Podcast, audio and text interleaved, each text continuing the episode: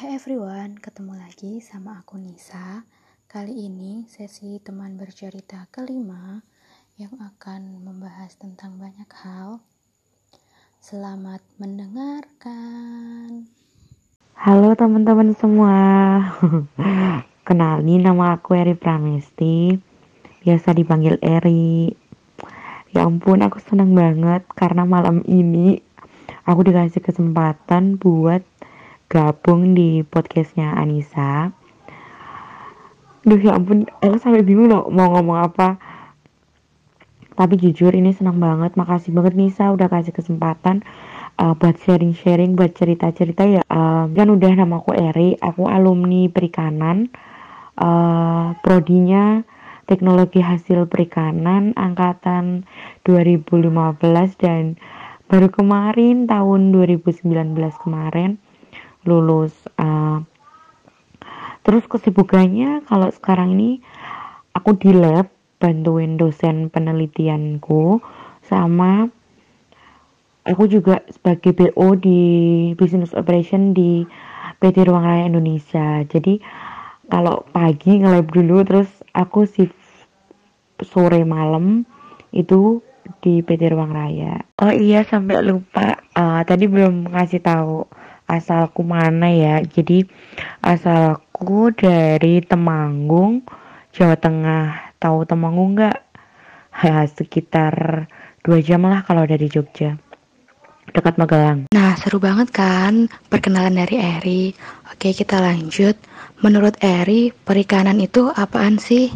aduh ditanya tentang perikanan nih jadi kalau ini aku jawabnya nggak menurut undang-undang ya tapi menurut aku pribadi intinya kalau menurut aku tuh perikanan tuh Indonesia banget. Pokoknya yang menurut aku Indonesia tuh punya banyak ikan kayak gitu loh. Pokoknya gambarannya Indonesia punya banyak ikan terus itu sumber kekayaan Indonesia.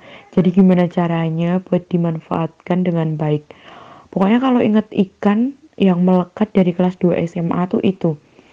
Nggak bayangin apa itu arti undang-undang perikanan gitu udah nggak nggak mikir itu lagi tapi udah intinya Indonesia kaya akan ikan gitu aja sih. Yes jadi semua hewan-hewan semua hayati yang ada di lautan itu perikanan gitu kalau menurut aku tuh ya Indonesia kaya akan ikan. Itulah yang ada di benak Eri pertama kali mendengar kata perikanan. Perjuangan Eri menjadi mahasiswa perikanan bisa nggak sih diceritain ke teman-teman bagaimana perjuangannya? Ya ampun nih, nih kalau cerita ini tuh aku menggebu-gebu banget ya. Jadi cita-cita aku buat masuk perikanan itu dari kelas 2 SMA itu aku inget banget cerita sama temen sebangkuku kalau aku tuh pengen banget masuk ke perikanan awalnya IPB nih awalnya IPB nih ya. terus ya, temanku pengen masuk perikanan apa? Teknologi hasil perikanan. Emang apa sih yang motivasi kayak gitu kan? Ya itu kan Indonesia kayak banyak ikannya. Kok nggak bisa ngoleh? Kok malah di ekspor ke luar negeri? Biasa ya masih idealis gitu kan. Terus temanku ya udah semoga ya beneran keterima ya di THP kayak gitu. Terus udah SNMPTN nih SNMPTN aku tuh cuman daftar satu uh, eh, THP teknologi hasil perairan. Kalau di IPB itu cuman itu kan masa yang THP teknologi hasil perikanan tuh aku cuman daftar itu satu doang. Dan pas pengumuman nih ternyata aku nggak lolos. Pas SNMPTN tuh padahal ya kata BK aku tuh karena ini kita rata-rata cutting keterima di IPB pasti keterima itu terus oh, udah sedih banget. Terus abis itu aku ikut bimbel gratis. Aku ikut seleksi bimbel gratis di Jogja. Itu di pondok pesantren gitu kan ya. Aku ikut eh, aku cuman aku uh, eh, SBMPTN aku kan mau daftar perikanan tuh. Nah terus pertama itu aku daftar THP UGM terus keduanya itu THP Undip sama ketiganya itu BDP Undip. Jadi tuh kayak cuman perikanan tapi cuman beda univ gitu. Habis itu ternyata pas pengumuman SBM itu aku nggak keterima nih jadi kayak Astagfirullah sampai udah bener-bener pasrah banget tanggal 9 Juli waktu itu aku doa sama Allah cuman gini. Ya Allah emang aku tuh diizinin masuk perikanan. Tolong dong dikasih kesempatan.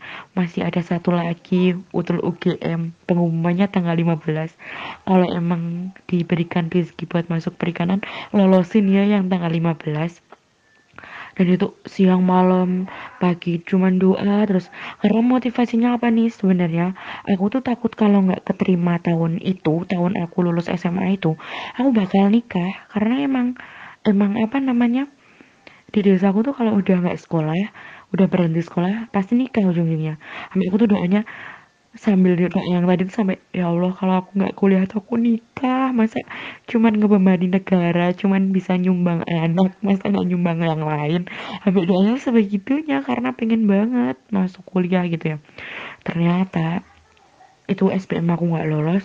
Nah tanggal 15 Juli itu waktu itu inget banget jam 5 aku keterima nih pengumuman Masya Allah senangnya. Ya Allah akhirnya keterima di THP UGM ya malahan. Jadi perikanan adalah cita-cita Eri dari dua SMA ya. Dan alhamdulillahnya ternyata Allah mengabulkan doa Eri dengan cara terbaiknya. Mungkin UGM adalah jalan terbaik Eri Sampai sekarang Eri bisa menuntaskan mimpi-mimpi itu hingga akhirnya menjadi sarjana SPI. Pasti saat menjadi mahasiswa adalah suka duka yang dialami Eri. Suka sama duka mungkin 50-50 ya sama aja sih. Tapi banyak sukanya. Banyak sukanya mengingat pengalaman kalau sumpah kuliah itu emang masa terindah ya masa terenak ya. Kayak cuman berangkat dengerin dosen pulang gitu aja kan nggak mikirin beban-beban masa depan. Beban-beban masa depan beban-beban yang lain gitu kan. Terus uh, sebenarnya tuh dukanya tuh nih aku tuh pas awal keterima di UGM itu sebenarnya senang banget nih. Terus tapi dukanya itu aku belum dapat beasiswa tuh. Jadi tuh kayak ya ampun aku belum dapat beasiswa harus gimana hidupnya gitu ya. Jadi kayak benar-benar pas kuliah awal tuh kelimpungan kayak aku harus ngapain jualan apa harus harus uh, harus cari uang gimana buat buat tambahan uang sakuku ya waktu itu ya. Terus itu kan dari segi segi pribadi aku ya. Kalau dari segi mahasiswanya sih menurut aku kalau dari perikanan tuh banyak laporannya. Laporannya lipat laporan. Tapi seneng sih pas praktikumnya. Oh iya nih uh, uh, kalau jadi mahasiswa perikanan tuh seneng yang pas seneng bangetnya nih ya. Kalau praktikum terus ke pantai. Misal kayak uh, yang biota laut gitu-gitu sumpah itu refreshing banget dan kita kan jadi deket banget gitu ya sama laut. Terus kayak ikut nelayan kan prodimu juga ada kan yang yang praktikum ikut nelayan beberapa hari melaut berapa mil gitu kan. Ah itu enak banget gitu kan. Terus kita pernah ikut uh, hidup sama nelayan gitu kan. Yang sosper ya apa apa itu aku lupa tuh matkul apa ya. Itu kan juga sumpah kan enak banget kan. Kayak kita jadi tahu kehidupan kehidupan mereka. Dan kalau kita setelah paham sama bukan paham ya maksudnya setelah kita mendalami sesuatu gitu kita terasa sangat kecil nggak sih ini kayak kecil kayak ya ampun sebenarnya kita tuh apaan sih? Kita kan aku kira tuh perikanan tuh ya cuman gitu gitu gitu ya. Tapi setelah masuk tuh sumpah cabangnya banyak banget. Kalau mau fokus ke produknya mau fokus ke nelayannya atau mau fokus ke ekonominya sumpah itu banyak banget yang bisa diulik ya. Jadi ya seneng banget tambah banget wawasan aduh perikanan. Luar biasa pokoknya. Bisa dibilang sukanya anak perikanan itu main ke pantai yang asik-asik lah pokoknya. Praktikum sambil liburan kali ya. Tapi kalau ngomong-ngomong duka pastilah yang menjadi momok selama ini adalah laporan. Oh ya ngomong-ngomong di THP itu juga seru abis loh masak-masak icip-icip dan kita bisa tahu produk-produk perikanan. Oh ya dari masak-masak itu bisa juga loh kita terapin waktu KKN jadi sosialisasi ke masyarakat. Misal kayak bikin nugget bikin bakso ikan atau pengolahan rumput laut. Iya bener banget nih iya itu jadi awal-awal katanya tuh kan THP masa-masa gitu ya orang tuh kayak nggak percaya gitu loh waktu semester 1 sampai semester 5 tuh masa sih nggak ada masak-masak. Waktu semester 6 semua matkulnya masak semua. Dari bikin nugget bakso pindang produk-produk fermentasi. Buset nih masak terus aja kegiatannya ya. Sampai itu emang bener-bener bermanfaat banget buat KKN dan kamu tau gak sih nih sewaktu aku KKN di NTT nih kan aku di di uh, apa namanya di perbatasan Timor Leste gitu ya.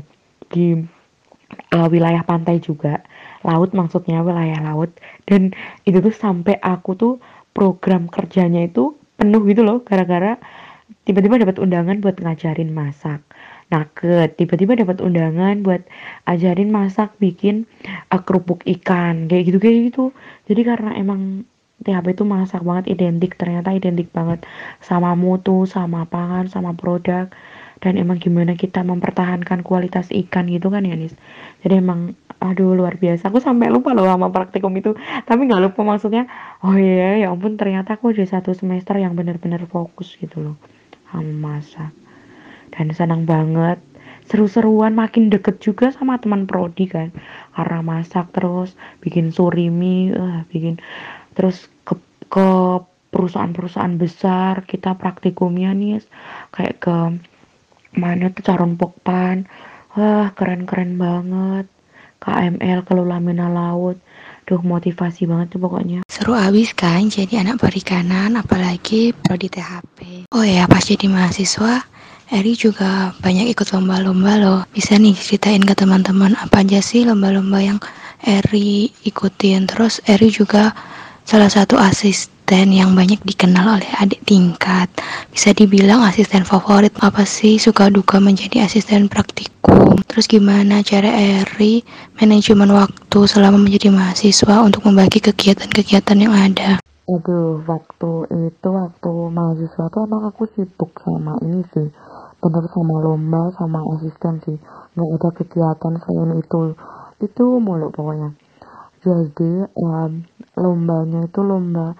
Pokoknya awal motivasi aku ikut lomba itu gimana caranya supaya aku dapat uang dapat uang dari juara nih. Itu cuma motivasi awal. Ternyata pas itu kan aku pertama kali ikut lomba itu semester satu akhir ya dua awal gitu.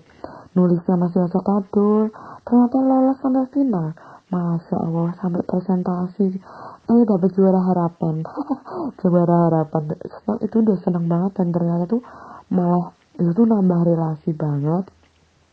Aku tuh sampai pokoknya hitungan aku eh, di lomba di perikanan tuh ya aku tuh udah bisa ke Malang ke Malaysia. Sampai aku tuh pernah ke Malaysia lomba. Terus ke Semarang ke Bogor ke Jakarta ke Banten. Aduh ini semua berkat karena lomba nih karena aku bisa keliling ke mana-mana gratis dengan biaya dari UGM dibiayain UGM ya kenapa nggak dilakuin gitu loh? Karena semua orang tuh punya kesempatan bukan semua semua mahasiswa tuh punya kesempatan itu gitu loh. Dan UGM tuh punya anggaran buat lomba gitu loh. Dan ayo aku saranin buat teman-teman yang dengerin ini yang masih kesempatan buat kuliah yang masih kuliah masih jadi mahasiswa ayolah ikut lomba sekali-kali. Sayang banget gitu loh kesempatannya. Karena kalau udah lulus tuh udah nggak bisa ngapa-ngapain. Udah jadi alumni itu udah aduh udah mau ke mana? Aduh nggak dapat dana soalnya. Ada duit dan kocak motivasi untuk mendapatkan cuan berhasil juga ya Eri. Oh ya selain itu juga manfaat lainnya itu bisa keliling Indonesia bahkan ke luar negeri. Wow sangat menginspirasi dan memotivasi. Terus selain kesibukan jadi uh, itu lomba ke mana-mana itu aku juga benar aku asisten juga. Aku tuh asisten lima praktikum bayanis lima praktikum pernah satu praktikum eh satu pernah semester berapa tuh ya? Aku kan jadi asisten pertama kali itu semester tiga asisten statistika terus habis itu sama mikrobiologi. Terus habis itu aku tuh jadi asisten empang terus habis itu rancangan percobaan terus pengolahan eh penanganan hasil perikanan juga. Jadi itu bener banyak banyak itu kayak aku tuh tiap tiap uh, kuliah tiap semester tuh aku nggak ada jeda buat istirahat buat main-main. Itu nggak ada. Dan emang apa namanya fokus buat ngasih ini aku cuman mau bukan cuma sih aku ngedalamin aku daripada aku ke mana-mana ikut ekstrakurikuler ini itu tapi aku nggak pernah eh, nggak uh, pernah selesaiin dengan tuntas. Mending aku di salah satu hal uh, akademik ini aku fokus ke akademik uh, buat uh, mantepin buat belajar banyak di situ biar aku dapat maksimal gitu loh ilmunya di situ. Dan dan, dan itu sumpah sebenarnya capek. Dan itu sama motivasinya buat nambah uang jajan.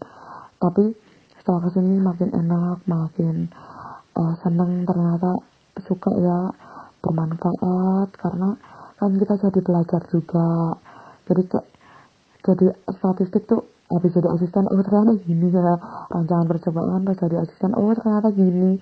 Harus ternyata aku dulu waktu jadi praktikan tuh gini ya nggak boleh nakal kayak gitu kayak gitu. Terus uh, apalagi ya pernah satu semester aku tuh ngasih stenin tiga praktikum. Masya Allah dan aku sendiri praktikumnya ada berapa ya empat kalau nggak salah. Aduh itu berat uh, bagi waktunya sumpah ini terus cuma resep yang aku tahu aku sejauh ini nggak pernah cerita ke siapa. Mungkin teman dekat aku ya yang yang sering tahu gitu ya guys jadi kalau uh, dulu jujur waktu kuliah itu aku tuh jarang tidur nih tidur itu paling beberapa jam. Dua jam bisa. Cuman dua jam. Karena aku bisa dari mal dari pagi sampai pagi lagi tuh aku bisa loh tahan masa tahan gitu. Dan itu tuh misalnya aku pagi berangkat jam tujuh praktikum mikro nyiapin nyiapin medium aku kuliah aku ngerjain laporanku sendiri aku praktikum habis itu di sela-sela praktikum aku sambil juga ngasistenin bira-biri gitu ke lab terus nanti uh, statistik aku kebagian dari yang jam 3 aku lari ke lantai 4 yang di agro itu terus aku juga apa namanya habis dari agro jam 6 baru selesai. Habis itu aku nanti misalnya ada koreksian aku ngoreksi sampai malam aku kerjaan laporan aku aku nanti nyatet aku kan biasanya di kelas aku kan nggak suka nyatet tuh. Jadi aku cuma dengerin nah yang di kelas yang di kelas aku dengerin malamnya tuh aku catat gitu caranya. Jadi aku di kelas tuh cuma ngeliatin aja. Abang nggak pernah nyatet sama sekali nggak ada catatan tapi habis itu malamnya aku ada catatan gitu. Jadi malamnya tuh aku mesti ngulang yang tadi siang aku dengar sampai pagi nih misal aku ngerjain laporan biasa kan ya? Laporan banyak banget parah. Itu tadi perjuangan Eri selama menjadi mahasiswa dari mulai praktikum asisten praktikum lomba-lomba. Nah waktu perjalanan akhir atau masa penelitian pasti perjuangan yang lebih berat lagi. Gimana sih perjuangan-perjuangan yang selama penelitian dan menulis script suite itu? Aduh, perjuangan masa kuliah yang paling berat tuh emang penelitian sih. Emang pas penelitian pas suite itu emang masa terberat. Jadi aku tuh kan ikut proyek nih ikut proyek payungan banyaknya di Indon kita bertiga.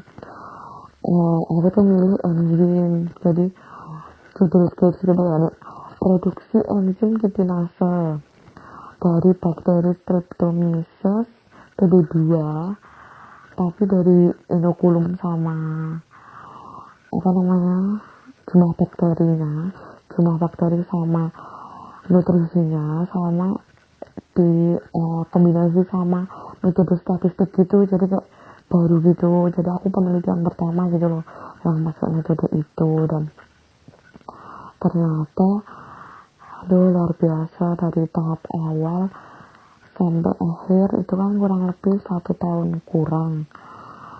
Dan pokoknya April April aku mulai selesai itu aku April juga kan sidangnya. Dan kayaknya tuh kalau kalau kayaknya tuh aku masih mau mewek gitu kalau kayaknya penelitian tuh. Pas pas apa namanya penelitian itu aku tuh ngalamin masa sulit nih jadi kosan gue tuh juga habis. Terus eh, uang skripsi sebenarnya kan ditanggung Bu Endin gitu ya tapi pembayarannya kan di awal gitu kan. Pembayaran di awal itu masa kita kalau mau beli apa kan tetap pakai uang kita gitu ya. Nah otomatis kan uangku kan juga eh, tabungan gitu-gitu kan buat beli macam-macam. Terus akhirnya pas mau pembayaran kos aku nggak bisa bayar gitu terus aku diusir gitu sama ibu kosan terus kayak ya nggak bisa kos bayar di akhiran ya harus di awal kayak gitu. Ya udah aku tuh keluar kos ya aku pindah ke ke kontrakan gitu. Untungnya cuma seratus ribu kontrakannya. Habis itu ternyata eh, ibu kontrakannya tuh mau minta eh, kosnya itu si kontrakan itu jadi nggak nggak mau dikontrakin lagi gitu. Uangku dikembaliin itu aku baru dua bulan ya. Uangku dikembaliin yang tiga ratus ribu aku disuruh cari kosan. Maksud itu berantakan banget. Kalau kamu tahu aku dari bulan sepuluh oh belum ada sepuluh sembilan itu aku udah gak punya kosan guys aku tuh ngerepotin salah satu mahasiswa kedokteran namanya Desi. Aku tuh nginep di sana banyak eh lama banget. Sama nginep di Lia. Sama nginep di Novia. Dan di Novia tuh aku bisa diusir sama ibu kosnya ya ampun aku pernah nih nginep di lab lama gitu. Itu untungnya karena penelitianku malam sama aku juga nggak ada kosan kan jadi aman gitu ya. Habis itu aku tuh ke mana-mana tuh ke kampus bawa baju bawa odol oh iya aku sama nginep di tempatnya Janah juga astagfirullah. Itu tuh parah banget pokoknya. Terus nih ini lama banget kalau cerita ini ya. Nggak sih nggak lama eh, apa namanya? Sama itu loh aku tuh bawa pernah naik motor berhenti di UGM habis keluar dari lab jam 11 malam. Terus aku tuh bilang oh sampai depan UGM aku tuh gak tahu mau pulang ke mana. Karena aku gak ada kosan Yus aku nangis depan UGM depan samping tulisan Universitas Gajah itu. Aduh aku kayak lewat situ tuh kayak terus gitu kayak itu sih ceritanya ya. Itu skripsi tapi sebenarnya pas skripsi itu Bu Indun baik banget. Aku tuh jarang banget tidur misal nih ya Bu Indun ngasih revisian sore ini ya nih aku itu ke Bu Indun besok siangnya. Jadi semalaman tuh aku revisinya selesaiin besok siangnya aku serahin Bu Indun sampai Bu Indun tuh pernah bilang gini ke aku saya tuh jadi malu kamu tuh ngasihnya cepet dan emang saya lihat udah di revisi gitu saya jadi mau cepet juga kayak gitu. Terus kan juga bilang bu saya minta izin mau eh, saya mau berusaha cepet lulusnya biar saya bisa segera cari kerjaan aku bilang gitu. Terus Bu Endin juga untungnya mau bantu. Alhamdulillah banget aku revisi ke 16 nih eh 16 tuh aku selesai revisi ke 15 dan alhamdulillah di ACC jadi ya total aku nggak ada kosan itu kan 6 bulan. Nah 6 bulan itu ya proses 6 bulannya. Proses penulisan lah. Itu sama skripsi pas akhir-akhir tinggal validasi gitu-gitu. Jadi udah hidupnya kelontong-kelantung. Barangku aku titipin di empat temenku empat temenku ya ampun makasih banget kalau kalian denger ini makasih ya tetap jauh gitu sih luar biasa pokoknya alhamdulillah banget Wah, Masya Allah banget ya perjuangan itu mendapatkan gelar SPI. Pasti orang yang nggak tahu, yang nggak kenal Eri pasti ah enak ya Eri, cepat lulusnya. Oh ya BTW informasi aja Eri ini adalah lulusan pertama dari THP nggak salah sih dengan perjuangan-perjuangan dia selama ini yang mungkin aku pun nggak tahu. Memang bener ya orang-orang yang nggak ngerti kita pasti kayak ngomong kayak insight-insight yang enak-enak aja tanpa tahu proses yang panjang yang dilewati orang itu. Iya nih um, emang bener sih. Emang kadang kita kan mandangnya kan cuman kayak ya udah lihat enaknya aja tanpa nggak nggak nggak nengok ke belakangnya. Tuh sebenarnya ceritanya apa gimana gitu kan alhamdulillah. Iya ya Nis. Um, alhamdulillah aku bisa lulus. Oh iya setelah mendapatkan gelar SPI atau sarjana perikanan itu tepatnya setelah wisuda pasti banyak sekali pertanyaan-pertanyaan. Apa sih yang bakal dilakuin setelah ini? Apa sih setelah sarjana yang akan dilakuin? Pasti uh, tips-tips atau cerita-cerita yang bisa Eri bagikan ke teman-teman? Uh, tips-tipsnya kalau udah habis sarjana gimana habis wisuda gimana. Sih menurut aku sih ini siap ya persiapkan sejauh-jauh mungkin sebelum lulus. Kalau mau benar-benar lanjut S2 fokus tuh lanjut S2 syarat-syarat buat S2 tuh ngapain aja? Mau kejar beasiswa LPDP itu apa aja mau masuk Birmingham tuh apa aja? Mau masuk ke Ocean University itu apa aja? Itu benar-benar harus dipersiapkan harus benar-benar plannya kamu harus gimana tek tek tek tek. Harus keras harus bisa. Misal teman-teman lari nih lari. Teman-teman rata-rata lari bisanya setengah jam. Kalau kamu mau bisa melebihi yang lain ya kamu harus bisa lari di atas itu gitu loh. Jadi istilah mudeng kan ya istilah yang aku pakai gitu lah intinya istilah yang aku pakai ya harusnya kalau mau bisa lebih harus berusaha semaksimal mungkin harus ya nggak boleh tanggung tanggung kan kalau aku tuh modelnya gini sih bukan modelnya prinsipnya sebenarnya hal paling sulit yang ada di dunia ini itu adalah menemukan kemauan Allah sama kemauan kita. Baca takdir. Sebenarnya kan hal yang sulit cuma menemukan takdir itu. Manusia kan nggak bisa langsung keinginannya ini itu takdirnya kan bukan. Tapi menemukan takdir itu. Jadi kan menemuk yang namanya mencari namanya menemukan kan harus mencari harus harus kalau ini nggak ketemu ya kan harus ke sini. Ini nggak ketemu harus ke sini dia harus banyak geraknya harus banyak banyak banyak hmm, besok istirahatnya. Oh ya besok lah nggak apa-apa istirahatnya gitu dulu harus ikhlas itu gitu. Intinya harus berjuang ikhlas. Karena apa? Karena sesuatu yang melewatkan itu berarti bukan rezeki. Sesuatu yang datang ke kita berarti itu rezeki. Dulu uh, waktu pertama itu aku tuh beruntung banget nih karena aku habis sidang tepat itu aku kan ditawarin buat bantu itu penelitian ya jadi aku udah langsung kerja di lab itu bantuin Bu Indun. Terus habis itu tuh aku tuh izin Bu Indun pun Bu misal saya mau kerja tambahan boleh nggak? Ternyata dibolehin. Terus itu aja persiapan aku mau daftar kerja itu sebelum wisuda. Jadi sebelum wisuda itu aku udah udah gencar cari-cari gitu. Terus kayak ya emang harus harus tetetetet gitu loh. Harus kayak harus ayo lari ayo lari. Istirahatnya ntar aja. Kalau aku tuh ke diri aku sering gitu sih. Jadi jangan kasihan ke diri kita ya. Tapi gimana kita bisa ngebentuk diri kita? Karena kan kalau besok masa depannya udah enak kan kita tinggal istirahat gitu loh. Maksudnya tinggal ya udah tinggal nyantai tinggal oh ya kan udah misal udah punya tabungan segini.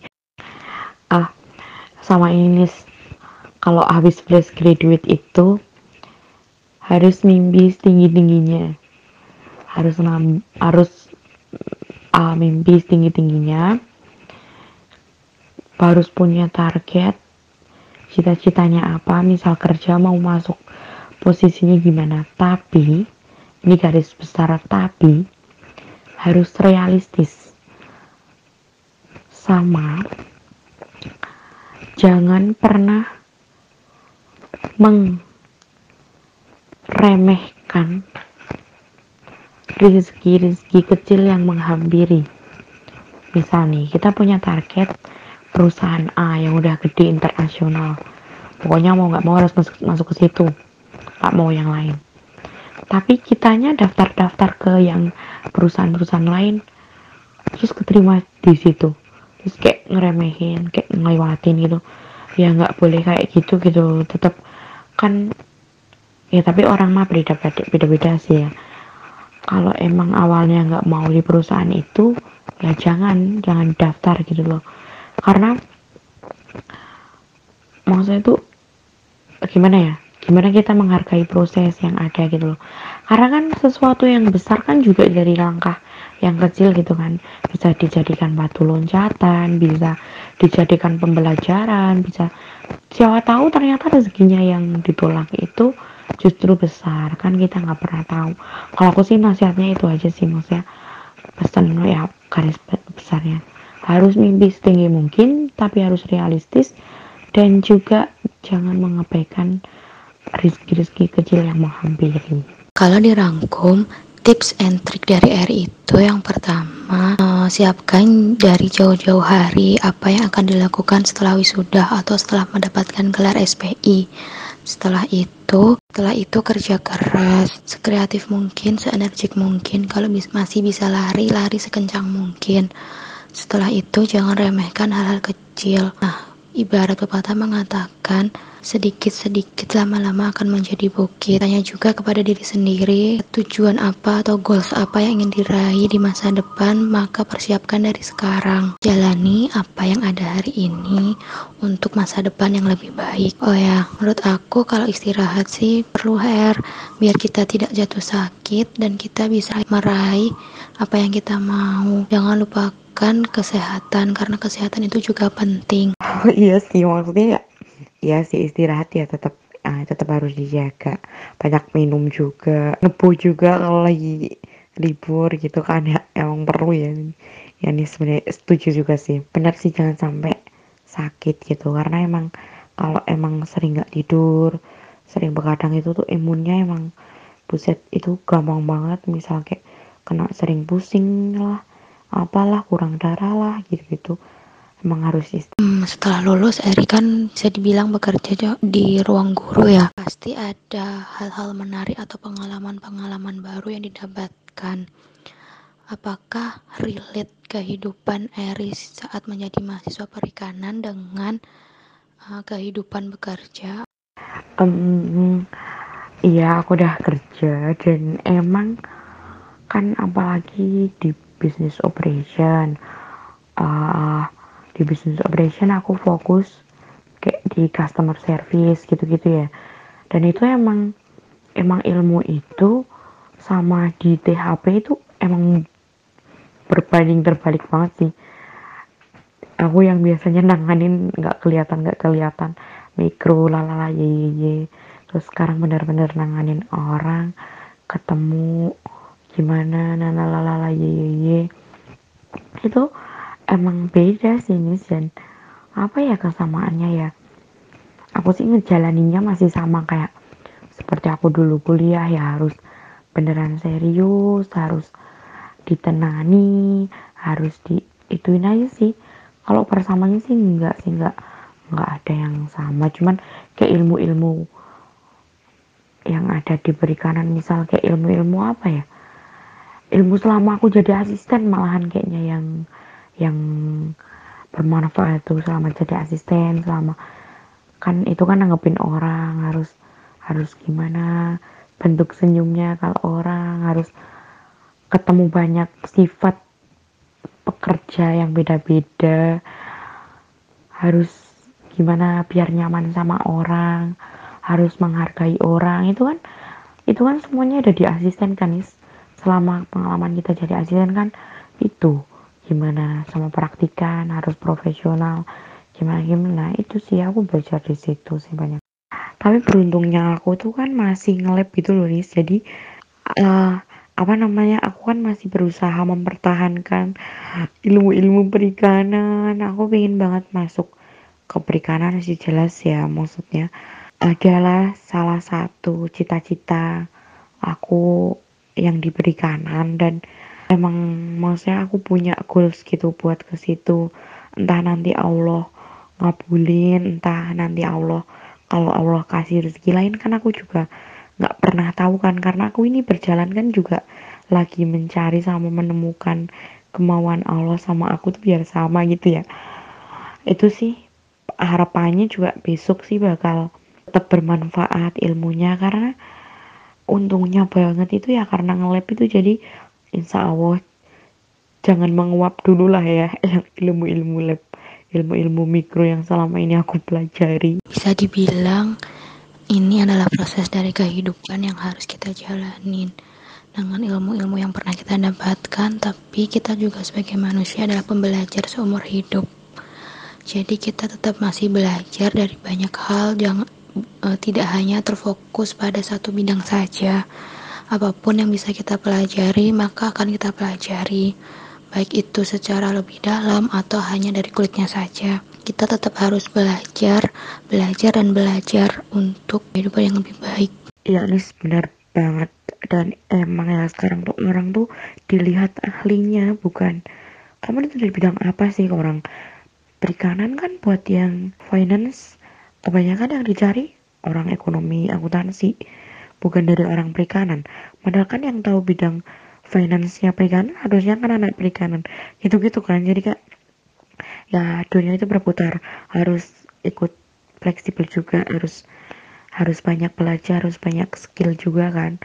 Jadi ya ini sebenarnya salah satu perjalanan sama proses pembelajaran buat hidup aku gitu. Oh ya, setelah kita cerita panjang lebar nih tentang perjuangan-perjuangan, tentang kehidupan kampus, tentang kehidupan pasca kampus, apa sih harapan Eri untuk perikanan ke depannya? Gak terasa nih, lama banget ceritanya, ya ampun. Jadi, eh, buat anak-anak tingkatku yang dengerin ini, kalian gak perlu khawatir kalian nggak perlu minder kalau kalian itu lulusan perikanan. Karena aku tahu banyak mindset anak-anak eh, perikanan tuh minder gitu karena lulusan perikanan.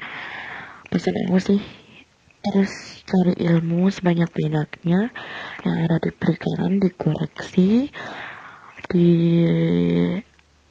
terus pepet habis-habisan berjuang habis-habisan. Dan eh, insya Allah lapangan pekerjaan itu banyak banget. Dan kalau emang besok mau fokus ke misalnya mau fokus ke ekonomi kan enak perikanan bisa fokus ke ekonomi. Nanti bisa ambil agribisnis perikanan. Nanti bisa uh, ambil uh, sumber dayanya atau nanti bisa fokus ke politiknya. Banyak juga kok cutting gitu yang masuk ke visible. Terus uh, banyak juga yang fokus ke pengen ada juga yang masuk ke jalan pokpen ke ML ke lamina laut. Ada yang di juga. Dan mereka juga posisinya tuh ya masa layak gitu loh. Jadi jangan pernah minder tetap semangat belajar terus. Karena kita nggak pernah tahu rezeki kita kan yang mana. Jadi harus diusahakan benar-benar. Semangat! Yeay! Live. Berusaha semaksimal mungkin uh, untuk menemukan kemauan Allah sama kemauan diri kita. Aku tuh cuman itu aja sih berpakainya bermimpi setinggi mungkin. Kalau mau kuliah ya harus dimaksimalkan. Harus cari beasiswa ya dimaksimalkan. Kalau mau kerja dimaksimalkan. Semua orang punya kesempatan kok. Jadi jangan minder jangan takut. Kita bisa. Semangat teman-teman. Ah. dadah. Sekian teman bercerita kelima. Semoga bermanfaat. See you